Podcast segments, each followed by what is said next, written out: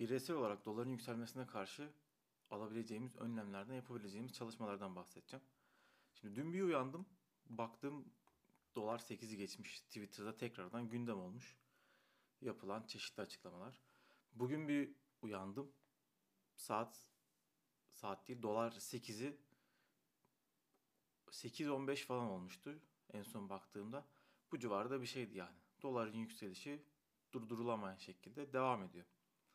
Şimdi biz kendimiz bireysel olarak doların yükselmesi veya düşmesi için bir şey yapamayız. Öyle bir kudretimiz, öyle bir gücümüz, öyle bir yetkimiz yok. Ee, öyleyse yani madem biz bu yük, yükselmeyi durduramıyoruz, o zaman bu yükselmeden en az etkilenecek şekilde kendi yolumuzu çizmemiz gerekiyor. Yani şu an bugünün şartlarında da yapabileceğimiz en iyi şey dolar olarak para kazanmak. Yani bireysel olarak e, biz doları düşürebilir miyiz? Yani şöyle bir şey diyebilir miyiz? 100 milyar dolar satalım. Birden dolar düşsün veya faizleri 600 artıralım. 600 baz puan artıralım. Dolar düşsün. Böyle bir yetkimiz yok. Veya şöyle bir şey diyebilir miyiz? Gidelim yurt dışında anlaşmalar yapalım. Yabancı sermaye buraya girebilsin. Buraya yatırımlar yapsın. Dolar böyle düşsün diyebilir miyiz? Ya da sermayeye güveni artırmak için öyle düzenlemeler yapalım ki e, öyle düzenlemeler olsun ki her şey güllük gülistanlık mükemmel bir ülke olsun da e, bütün yabancılar buraya akın akın gelsinler, buraya yatırım yapsınlar.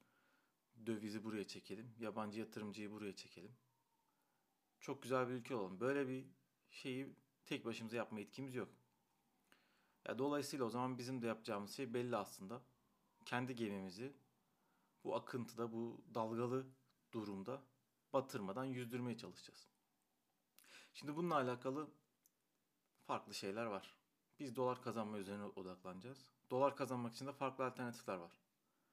Şimdi bir freelance çalışıp yurt dışında freelance çalışıp dolar kazanabilirsiniz. İki, yan projeleriniz üzerinizden e, aylık belki düzenli bir gelir ufak da olsa elde edebilirsiniz.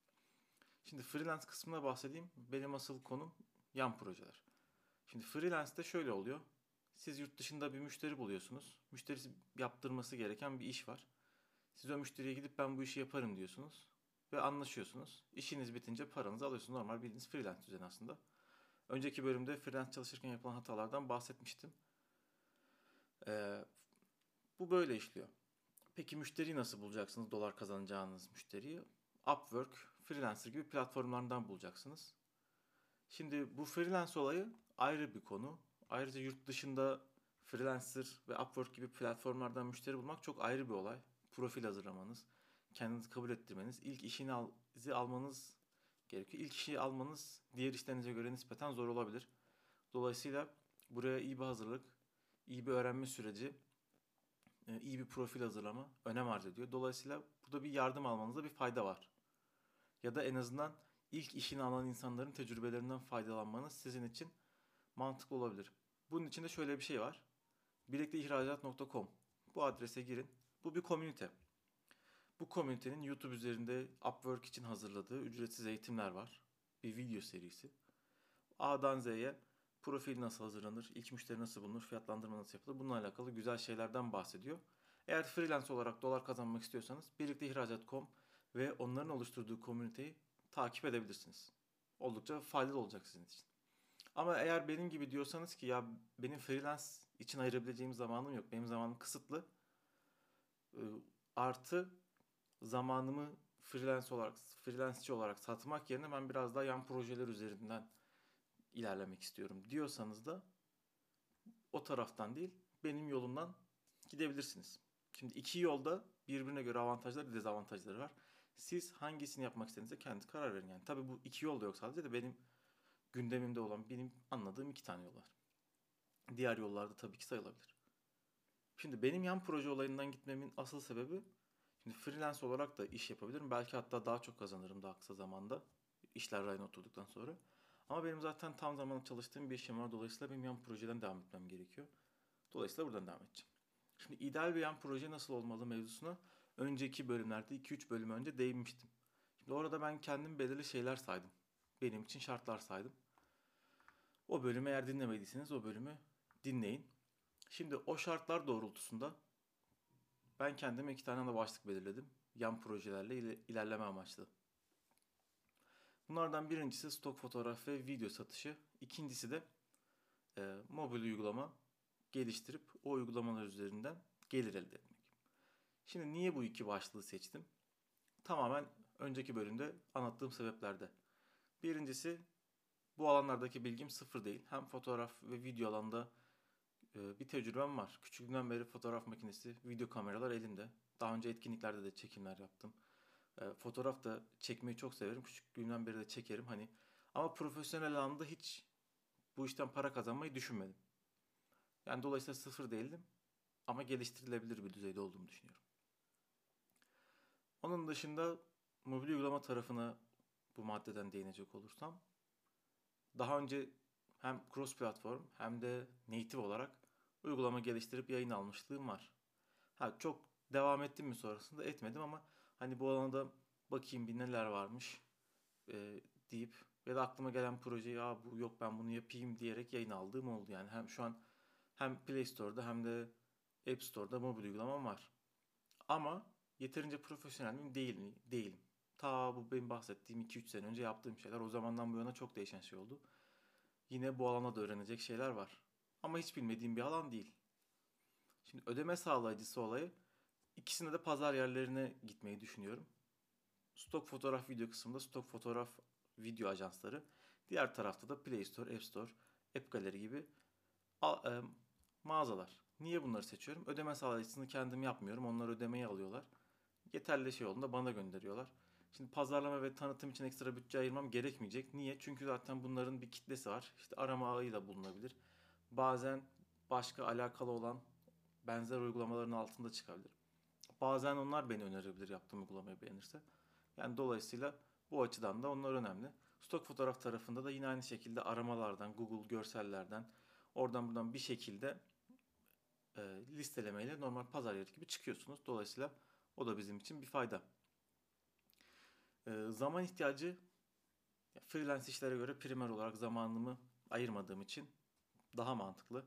Yani şöyle işi düzenli yaparsanız e, stok fotoğrafı çektiniz, sisteme koydunuz o fotoğraflarla e, tekrardan tekrardan uğraşmanız gerekmiyor. Onlar orada duruyor ve size eğer satın alan olursa para kazandırmaya devam ediyor. Mobil uygulama da aynı şekilde belirli köşe taşlarını, milestone'ları yapıp uygulamanızı yayınladıktan sonra zaman zaman güncelleyerek e, paranızı kazanırsınız. Yani uygulamaya geliştirmek için ayırdığınız zaman sınır olur. İstatistikleri takip edersiniz. Bazen reklam verirsiniz. O şekilde yani growth için, büyümek için çeşitli şeyler yapabilirsiniz. Ama bunlar sizin asıl işinizi engelleyecek şeyler değiller. Yurt dışına hitap etme konusunda zaten ikisi de zaten e, temel hedefi yurt dışı. Stok foto olayı zaten yurt dışına daha yaygın bir olay. Bizde çok kullanılan bir şey değil. Çünkü bizde bir lisans ve telif konusu çok saygı duyulan şeyler değil genel olarak. Çok bilinen şeyler değil. Dolayısıyla zaten hani yurt dışına hitap ediyor. Artı mobil uygulama kısmı da eğer siz yurt dışındaki ülkelere yerelleştirme yaparsanız veya direkt sadece İngilizce bile koysanız önemli bir kısmını hedef kitle haline getirmiş oluyorsunuz. Bir de üstüne kendiniz de çeşitli yatırımlar yaparsanız hem çeviri, yerelleştirme manasında tadından yenmeyen yurt dışına hitap eden projeleriniz olur. E, tezgahın başında durmam ikisine de gerekmiyor. Fotoğraflarımı düzenli olarak çekip konsepti belirleyip, çekip, düzenleyip e, platformlarda, ajanslarda yayınladıktan sonra tekrar benim başında durmamı gerektirecek bir şey yok. Onun dışında da yine mobil uygulama geliştirirken de e, gereklilikleri yerine getirdikten sonra tezgahın başında yine durmanıza gerek yok. E, yeterli zamanı hem büyümesi için hem geliştirilmesi için zaman ayırdıktan sonra yine tezgahın başında durmanız gerekmiyor. Şimdi niye bu iki alanı tercih ettiğimi anlattım. Ee, onun dışında bir de şöyle bir şey var. Bu iyi yan proje kriterlerinin dışında benim elimdeki envanterler bu ikisine uygun. Çünkü stok fotoğraf çekecekseniz eğer telefonla çektiğiniz fotoğrafların yayınlanma ve satılma ihtimali profesyonel makineye göre daha düşük. Ya benim elimde bir e, Canon EOS M6 Mark bir bir makine var. Güzel fotoğraf çekiyor. Bence satılabilecek kadar güzel fotoğraflar çekiyor. Ben de sıfır değilim o alanda. Ama şöyle ki dedim ki ben madem bu alanda sıfır değilim bunu bir, bir adım öteye de taşıyayım. Elimde hazır makinem de var. dedim ki bir eğitim alayım. Bu eğitim sayesinde hem kendi yeteneklerimi geliştireyim e, hem de biraz işin mutfağında olan kişiler neler yapıyor, best practice'ler nelerdir bunları öğreneyim. Bunun için de Udemy'den bir kurs aldım. E, kursu, kursun eğitmeni e, Tahir Yıldız olması lazım. Evet, YouTube'dan da onun videolarını izliyordum zaten ara ara denk gelip beğeniyordum. Udemy'de de A'dan Z'ye fotoğrafçılık için bir kursu vardı. Hemen satın aldım. Baktım içeriği de gayet güzel. Hem makinenin temellerinden başlıyor, temel kavramlardan başlıyor.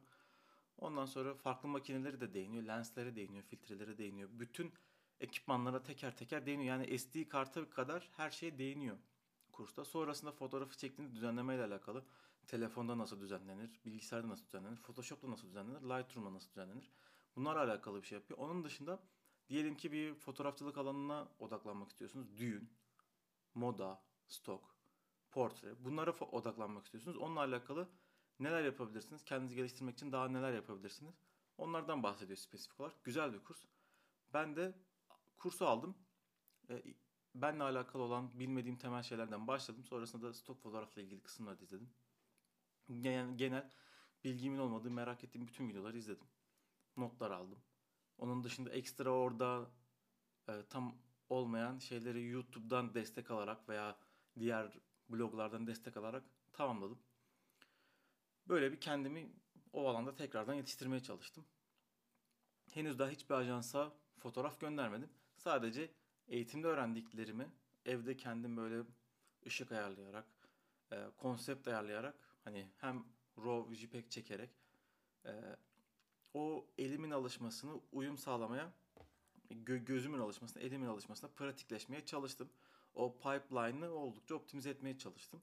Henüz fotoğraf yüklemedim ama denemek için bir şeyler çektim. Zamanla da konseptimi tam olarak oturtup bu alana da başlayacağımı düşünüyorum. Ekipman da yani bu konuda yeterli. Hani zaten öncesinde hem video çekimi için e, gerekli ekipmanlarım vardı. Bu alanda da e, bu ekipmanlarda hani amatörlükten de çıkartıp bunu bu işin yanında bana para kazandıracak seviyede de gelmeye zamanla çalışacağım. Stok foto video tarafını burada bir ara vereyim. Mobil uygulama tarafına geçeyim. Şimdi mobil uygulama tarafında da daha önce uygulama yaptığımı söylemiştim. E şimdi bu işi biraz da eğer profesyonel yapacaksam, gerçekten para kazanacaksam belirli şeyleri de yerine getirmem gerekiyor. Daha iyi tasarım, e, daha iyi kodlama, uygulamanın patlamaması lazım. Kullanıcı deneyimini iyi sunması lazım. Şimdi bunlarla alakalı da e, eksik olduğum şeyler var. Bunları da tamamlamak için yine aynı şekilde stok fotoğrafta olduğu gibi kendimi geliştirme amaçlı eksiklerimin farkına varıp onları öğrenme amaçlı yine bir yola çıktım. Bunun için de şimdi diyorum ki ben biraz daha Apple ekosistemine odaklanmaya çalışıyorum şu an. Ee, cross platform bir şey yakın zamanda düşünmüyorum. Onu da şöyle düşünüyorum. Hem iPhone'a yazayım hem iPad'e yazayım. Ee, hem MacBook'lara yazayım, Mac'lere yazayım. Hem Watch'a yazayım. Hem de e, gerekirse TV'ye yazabileyim. Var olan uygulamaları baştan yapabilirim bazen. Farklı kendi çapımda yorumlayarak. Ya da sıfırdan kendi bir uygulama fikrim varsa onu yapabilirim. Ben Apple ekosistemine odaklanmak istiyorum. Dolayısıyla bunun için en güzel yol SwiftUI'yi kullanmak. Ee, SwiftUI'yi öğrenmek için de hackingwithswift.com diye bir web sitesi var. Bu sitede 100 Days of SwiftUI diye bir segment açılmış. 100 günde Swift ile ilgili e, temellerden başlayarak SwiftUI'nin mobil uygulamalı uygulamalı olarak kullanabileceğiniz derslerle size anlatıyor bunu. Ben zaten daha önce Swift uygulama da geliştirdiğim için hani biraz konseptlere az çok aşinayım, biraz da hızlı ilerlerim diye başladım ve şu an bu 100 günlük seride yavaş yavaş ilerliyorum. Bunu bitirdikten sonra da Stanford Üniversitesi'nin e, Swift UI ile ilgili bir dersi var. Süresini tam hatırlamıyorum. İncelemiştim e, ders programını. Yani buraya ek olarak katacağı gayet güzel şeyler de var. Sonrasında bu 100 günlük Swift'in 100 günü, Swift UI'nin 100 gününden sonra Stanford'daki ders takip edeceğim. Sonrasında da e, inşallah mobil uygulamalarımı geliştirmeye başlayacağım teker teker. Yani kafamdaki mobil uygulamaları. Biraz daha pratikleştikten sonra. Şimdi aslında buradaki Swift UI uygulama geliştirirken kafamdaki düşünce şu. Şimdi ben artık Laravel ekosisteminde Laravel hani Vue.js ekosisteminde oldukça pratik hale geldim. Hani Bootstrap, Vue.js ve Laravel ekosistemde. Hani artık bir aklıma web uygulaması fikri geldiğinde hani oturup bir gecede proof of concept olarak uygulamayı çıkartabiliyordum. Çünkü artık çok pratiktim. E, çatır çatır oturup çalışan bir prototipi hızlıca yazabiliyordum. Ekosisteme, e, frameworklere hakim için. Şimdi Swift UI kısmında da, Swift kısmında da, bu Apple ekosistemi kısmında da niyetim aynı seviyeye gelebilmek. Şimdi bunun bunun olması biraz daha zaman alacak. Niye? Çünkü hani Laravel'de o seviyeye gelene kadar belki onlarca hobi projesi yapmışımdır. Onlarca şirket projesine katkıda bulunmuşumdur. Onlarca müşteriye proje geliştirmişimdir. Bazen sıfırdan yazmışımdır. Bazen yapılmış projeyi devralıp ilerletmeye çalışmışımdır. Yani bir sürü şey olduğu için artık orada o seviyeye geldim. Swift tarafında da hani bu ekosistem tarafında da aynı tarafa gelmem biraz daha zaman alacak ama şunu biliyorum. Her yapışımda biraz daha rahatlayacak. Sonraki proje biraz daha rahat olacak. Bazen önceki projenin temel taşlarını alıp başka projeye entegre edeceğim. Zamanla kafamdaki e, taşlar yerine daha oturduğunda belki oturup bir gecede proof of concept çalışan bir e, uygulama yapabileceğim. Bu da zamanla olacak bir şey. Şimdi tabii mobil uygulamayı geliştirmek bu alanda yeterli bir şey değil sadece. Yani stok fotoğrafta tamamen hani ajansın algoritmasına vesaire göre değişiyor ama şimdi burada paralı da olayı etki edebiliyorsunuz uygulamanıza. Yani growth tarafında da yapabileceğiniz şeyler var. Mesela mobil uygulamayı yaptınız, çeşitli platformlarda reklam çıktınız ve uygulamanıza müşteri getirdiniz ve oradan bir para kazanma, o müşteri üzerinden para kazanma üzerine bir olayınız var. Bunun içinde tabii ayrı bir bilgi seviyesi gerekiyor. O uygulamanız App Store'da nasıl görüntülenecek, hangi kelimelerde çıkacaksınız, dışarıya hangi kelimelerle reklam vereceksiniz, hedef kitleniz kim, onlara nasıl ulaşacaksınız. Bunların hepsi mobil uygulama geliştirmeden başka ayrı bir alan, ayrı bir gereklilik. Şimdi tabii bunlara da odaklanmak gerekiyor. Bunlar için de ben de şöyle bir yöntem izledim. Ee, Mobile Growth İstanbul diye bir komünite var. Celil'in, Celil Bozkurt'un e, yöneticisi olduğu, hatta kurucusu, bizatihi de emektarı olduğu böyle bir komünite var. Bu komünitenin bir Slack grubu var. Ben YouTube'daki videolardan oraya gittim. Slack grubunda çok faydalı paylaşımlar oluyor. Oraları da takip ediyorum. Onun dışında YouTube'da şöyle bir serileri vardı. Bireysel geliştiricileri yayına çıkartıyorlardı. E, o bireysel geliştiriciler bu bahsettiğim mobil uygulamaları nasıl geliştirdiklerini, nasıl büyüttüklerini, nasıl kullanıcı edindiklerini, hangi araçları kullandıklarını, e, neye para harcadıklarını, neye harcamadıklarını, taktiklerini, ipuçlarını paylaşıyorlar. Ben de oradaki videolarının hepsini izledim, dinledim. Boş kaldıkça. Notlar aldım, ipuçlar aldım. O tarafta da yine kendimi geliştirmem gerekiyor zamanla. Ee, tabii ki onları dinlemek e, tek başına bir anlam ifade etmiyor. Yani burada asıl öğretici olan ne yapmak? Sizin teker teker onları alıp uygulamanız. Benim de onları alıp o ipuçlarından bir şey çıkarımlar yapıp kendi uygulamam üzerinde deneme yanılmayla bir şeyler öğrenmek. Çünkü aslında her uygulama, her proje biraz biricik, özgün yani. Her bu işin yüzde yüz bir matematiği yok. Biraz deneye yanıla hem geliştirirken hem de e, uygulamayı kullanıcısını büyütmek için para kazanmak için uygulamadan farklı şeyler deneyip yanılmak gerekiyor. Yani hikayem genel olarak şu ana kadarki kısım bu şekilde. Bundan sonraki kısımda da şöyle bir niyetim var. Şimdi size iki alandan bahsettim. Stok fotoğrafı, mobil uygulama tarafı. Bu kısımda şu ana kadar bir aslında kendimi yetiştirme sürecindeydim. Hala bir süreçteyim. Bu süreç bir süre daha devam edecek öğrenene kadar. Yani öğrenme süreci hiç bitmeyecek de şimdi önce bir başlayana kadar bir taban, temel bir bilgi seviyem olsun istiyorum. O yüzden biraz daha ağırdan alıp deneyin yanında bir şeyler yapıyorum. Bundan sonra artık hani e, yan proje olarak bunların her birini aktif olarak iş dışında kalan zamanlarda bunları üzerine eğileceğim. E, dolayısıyla bu projeler için yaptığım şeyleri ben de parça parça hani haftalık olmasa da belki iki haftada bir normal podcast bölümlerinin yanında bu hafta şunu yaptım. Şöyle bir sonuç elde ettim. Bu hafta şu uygulamayı yazdım. Şu uygulamayı şu özelliği ekledim. Veya şu fo- fotoğraf konseptlerini çektim, yayınladım. Veya bu hafta şu fotoğrafım güzel sattı veya hiç satmadı. Veya hani şöyle şöyle şeyler yapmayı planlıyorum diye gelişmeleri buradan paylaşmayı düşünüyorum. Niye? Çünkü belki başkası da kendi aynı şekilde bir challenge belirler benim gibi. Bir yan proje alanı belirler. Ve o da kendi yolunu çizmeye çalışır bu durumda.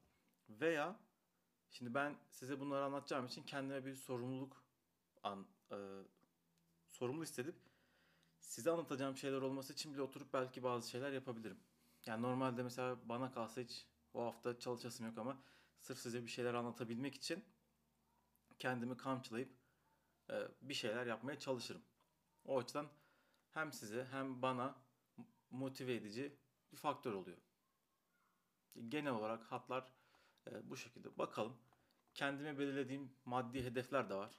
Tabi bu hedeflere ulaşmak kolay değil. Çünkü hem stok fotoğraf tarafı hem bu mobil uygulama tarafı yani sadece bunlar değil genel olarak yan proje olsun veya genel olarak freelance olarak proje bazı para kazanmak olsun.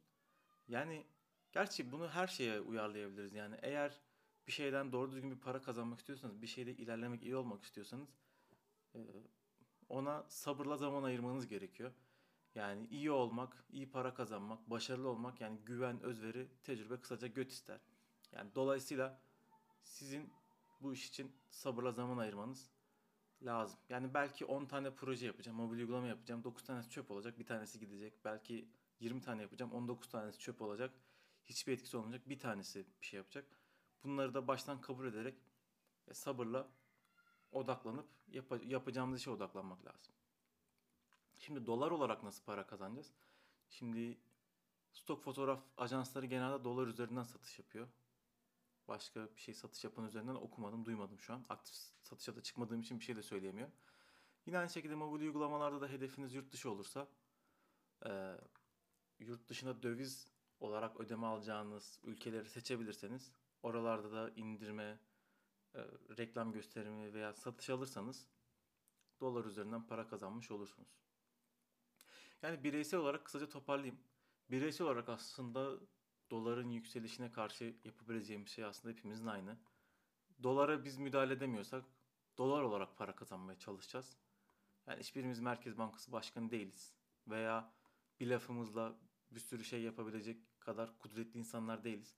Dolayısıyla kendi gemimizi yüzdürmemiz gerekiyor. Bunun için de dolar kazanmak en iyi çözüm. Dolar kazanmak için farklı çözümler olabilir. Belki yurt dışına ahşap bir şeyler yapıp satarsınız. Reçel yapıp satabilirsiniz. Peynir yapıp satabilirsiniz. Ya da ne bileyim e, yazılımcısınızdır. Freelancer platformda Upwork'ta çalışıp para kazanırsınız. Ya da tasarımcısınızdır. ikon yapıp satarsınız.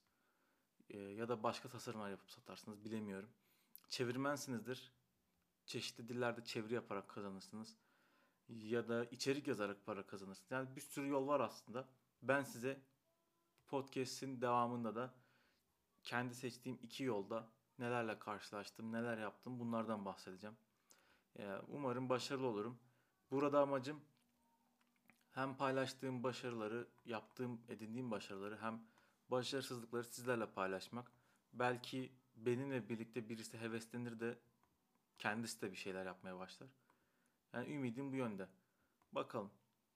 Gelişmeleri sonraki bölümlerde paylaşmaya devam edeceğim. Bu bölüm böyle giriş niteliğinde şu ana kadar yaptıklarımla alakalı bir giriş olsun. Ara ara yine bunlardan normal konuların yanında bahsedeceğim.